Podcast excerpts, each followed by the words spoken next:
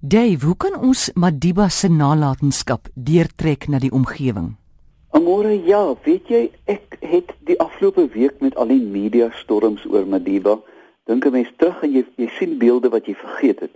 Daar's eintlik die weet die oor en oor tronk uitstappery, die goed, dit gaan my glad nie aan nie. Ek het hom nooit persoonlik ontmoet nie, maar wie ek wel ontmoet het, is sy boesemvriend, um, aartsbiskop Desmond Tutu. Nou as ek enige afleidings kan maak van sy vriendskap, dan kan 'n mens dink wat 'n soort mens hy was. Ons weet hoe ontsaglik nederig hy was. En jy weet, uh, dis netlik nou 'n Bybelse Christelike ding hierdie ding van nederigheid, maar as daar ooit iemand was op hierdie aardbodem, dan dink ek dit was Madiba wat almal van die kleinste kind tot die armes tot Betsy verwoord die hele lot eenders behandel het. Hy het dieselfde glimlag, dieselfde wyf, dieselfde dansie vir almal uitgehaal. Dit beteken dat ek vermoed dat hy van van streng adelike afkoms was. Pa was 'n koning of 'n hoofman en hierdie mense het maniere gehad. Kyk net die ou garde om hom. Ek wil nou nie sekere mense in die presidentskap aanhaal nie, maar kyk net die ouer garde. Ahmed Katrada. Adel, adel, adel. Weet jy, hier is mense wat jy kan neersit om enige intellektuele tafel op aarde. Ek dink Thabo Mbeki was ook een van daai. Um hy het tekortkominge gehad maar die hemel weet hulle het gelees hulle het gedink hulle was almal gegradueerdes hulle was hulle fyn fyn mense geweest. Dit beteken hulle het ook hierdie verhouding gehad teenoor die aarde. Hoekom dink jy was hy so lief vir die vir sy geboortedorpie? Het dit nou aan Kantla gelyk allerminst dit was 'n redelike nederige huis met 'n enkel muur. Geen teken van wat noem hulle in Kantla se swembad nou? 'n vuurdam. Ja dis wat dit genoem word Hulle pomp te water uit as die stroos aan die brand raak, jy sien. Maar dit nou daar gelaat.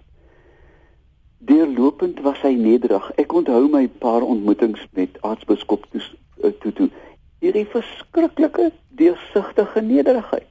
Hulle het niks te bewys gehad vir enige iemand want hulle het uiteraard besef dat hulle 'n nalatenskap het, dat hulle rekord gestaan het, dat hulle nooit nooit gewyfel het aan wat hulle gedink het nie. En so dink ek kan mense transponeer na hom as aardmens. Hy was altyd geaard. Dink 'n bietjie hier aan uh, Amore, Dr. Kondevillier, die ou groot wetenskaplike, het altyd met so 'n Caledonse brei gehad. En Dr. Kon het gesê hy wat die oorspronklikheid najag is kapabel en haal dit nooit in nie. Maar jy weet, Madiba en sy trawante was altyd oorspronklik. Hulle het niks nagejaag nie. Dit kan 'n mens nie van die huidige garde sê nie. Hulle is onoorspronklik en jaag na. En dit dink ek sal sy ewige ewige bydrae bly.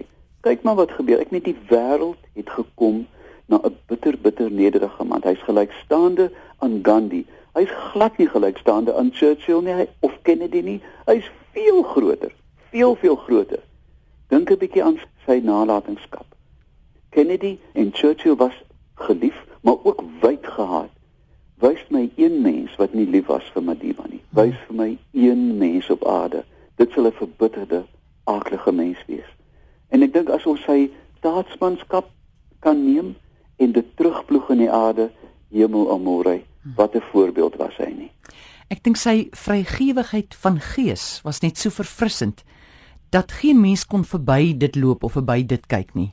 Maar natuurlik nie. Hy het eenvoudig almal oorwin almal wat hy aangeraak het, almal wat hy na gekyk het, het iets gevoel.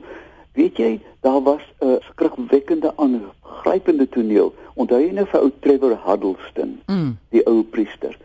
En hy het eendag na sy vrylatingskap het hy gestap deur 'n linie van soldate. En een jong soldaat het in trane uitgebars, op sy knieë geval, aan sy hand gevat en gesê: "Vergewe my vir wat ek aan jou gedoen het." Modiba het nie gevra dat jy op jou knieë moet staan nie.